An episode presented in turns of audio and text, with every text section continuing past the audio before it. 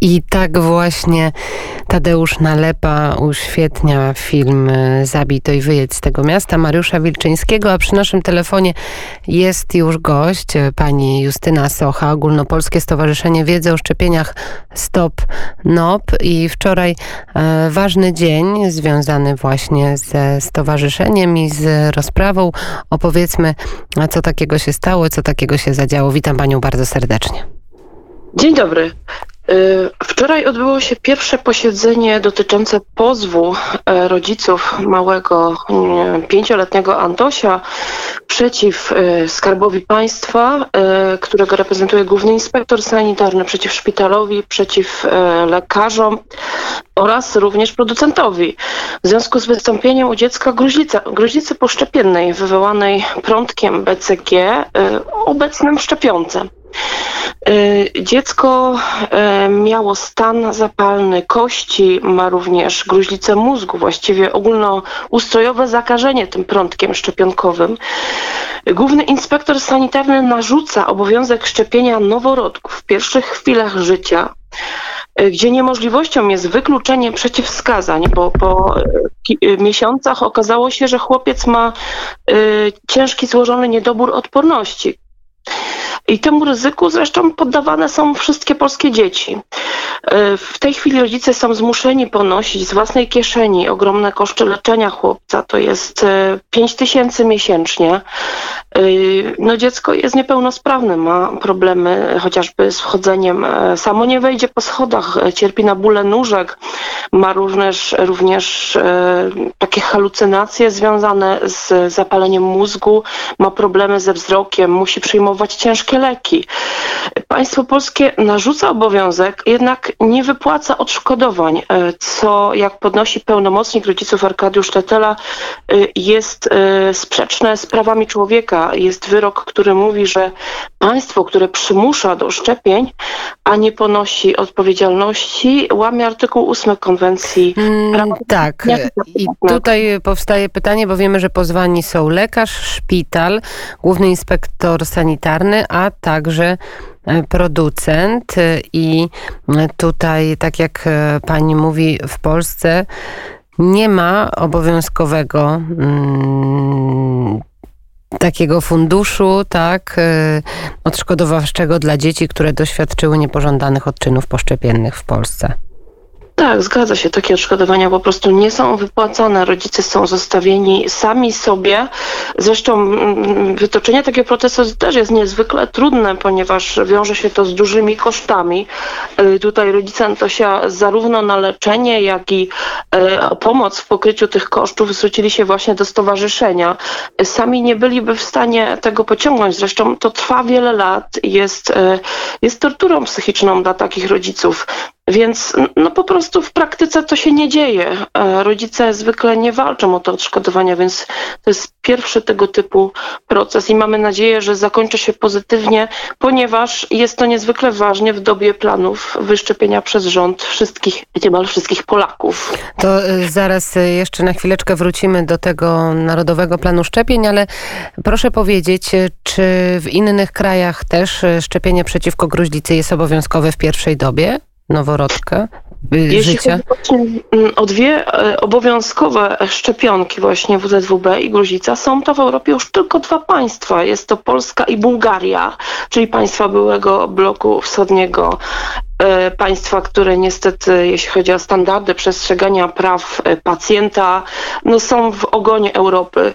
Także niestety to jest niechlubna, niechlubna kwestia, jeśli chodzi o nasz kraj to, mm, to tak jak pani mówi, e, e, Zadziwiające. Możemy się nad tym przynajmniej pochylić i zastanowić, dlaczego tak jest. No i Narodowy Plan Szczepień, to co się dzieje z szczepionką, jak niektórzy mówią, z cudzysłowie szczepionką, lekiem na koronawirusa, głównie firma Pfizer and BioNTech, także Johnson Johnson. Co pani sądzi o tym planie?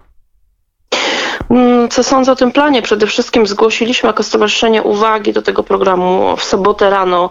Y, przede wszystkim podkreślając kwestię tego, że system monitorowania bezpieczeństwa właściwie nie funkcjonuje, czyli właśnie zgłaszania niepożądanych odczynów poszczepiennych przez lekarzy oraz proces na przykład wstrzymywania serii szczepionek, kiedy spowodowały jakieś ciężkie działania niepożądane.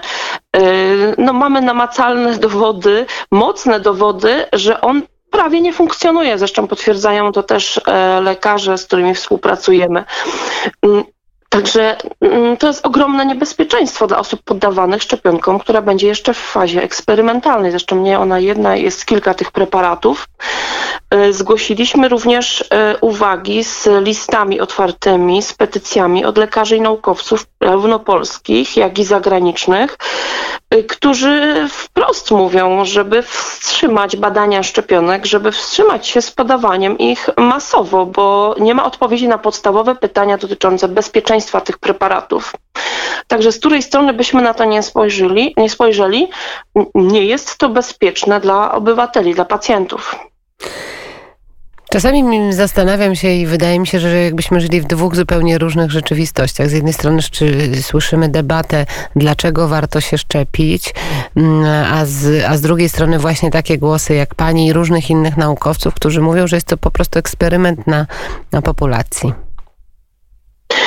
No to jest e, dla mnie osobiście jest to trudne jako, jako osoby, która mm, zarówno mm, organizuje zgromadzenia publiczne, jak i apeluje od wielu lat o otwartą debatę obydwu stron tego sporu to się nie odbywa. Może jakąś namiastkę udało nam się yy, zorganizować też jako strona społeczna parlamentarnego zespołu do spraw bezpieczeństwa szczepień za poprzedniej kadencji Sejmu, bo byli przedstawiciele zarówno strony rządowej, jak i, e, jak i naukowcy, no tutaj głównie zagraniczni, którzy mają swoje badania, obserwacje dotyczące bezpieczeństwa szczepień, chociażby obecnych związków aluminium e, w szczepionkach profesor Christopher Christopher Exley, ale z posiedzenia na posiedzenie przychodziło tych e, przedstawicieli GIS, PZH, Ministerstwa Zdrowia mniej. Ostatecznie już potem nikt nie przychodził.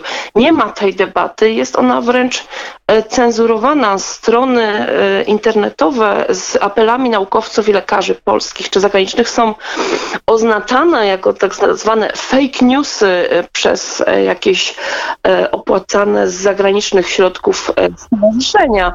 Więc no, jest to postawione postawione na głowie. Jest cenzura, e, a, a rząd e, tak naprawdę e, mm, przez, za, za pieniądze publiczne przeprowadza badania, dlaczego Polacy nie będą chcieli się szczepić, a za pośrednictwem mediów czy podczas konferencji prasowej na posiedzeniu Komisji Senackiej wręcz padły słowa ze strony ministra Niedzielskiego, że e, lekarze i naukowcy, którzy mają inne zdanie, to kołtuństwo, a prezes e, Naczelnej Izby Lekarskiej Matyja e, mówi, że będzie przesłuchiwał tychże lekarzy, więc zamiast debaty będą przesłuchania, zamiast debaty jest cenzura i no nie wiem jak to nazwać, nawet to, co powiedział minister Niedzielski, no obrażanie, poniżanie każdego, kto kwestionuje e, e, to e, stanowisko, że te szczepionki to jest dobrodziejstwo, tak? Zobaczymy, nie... może tę debatę uda się zorganizować.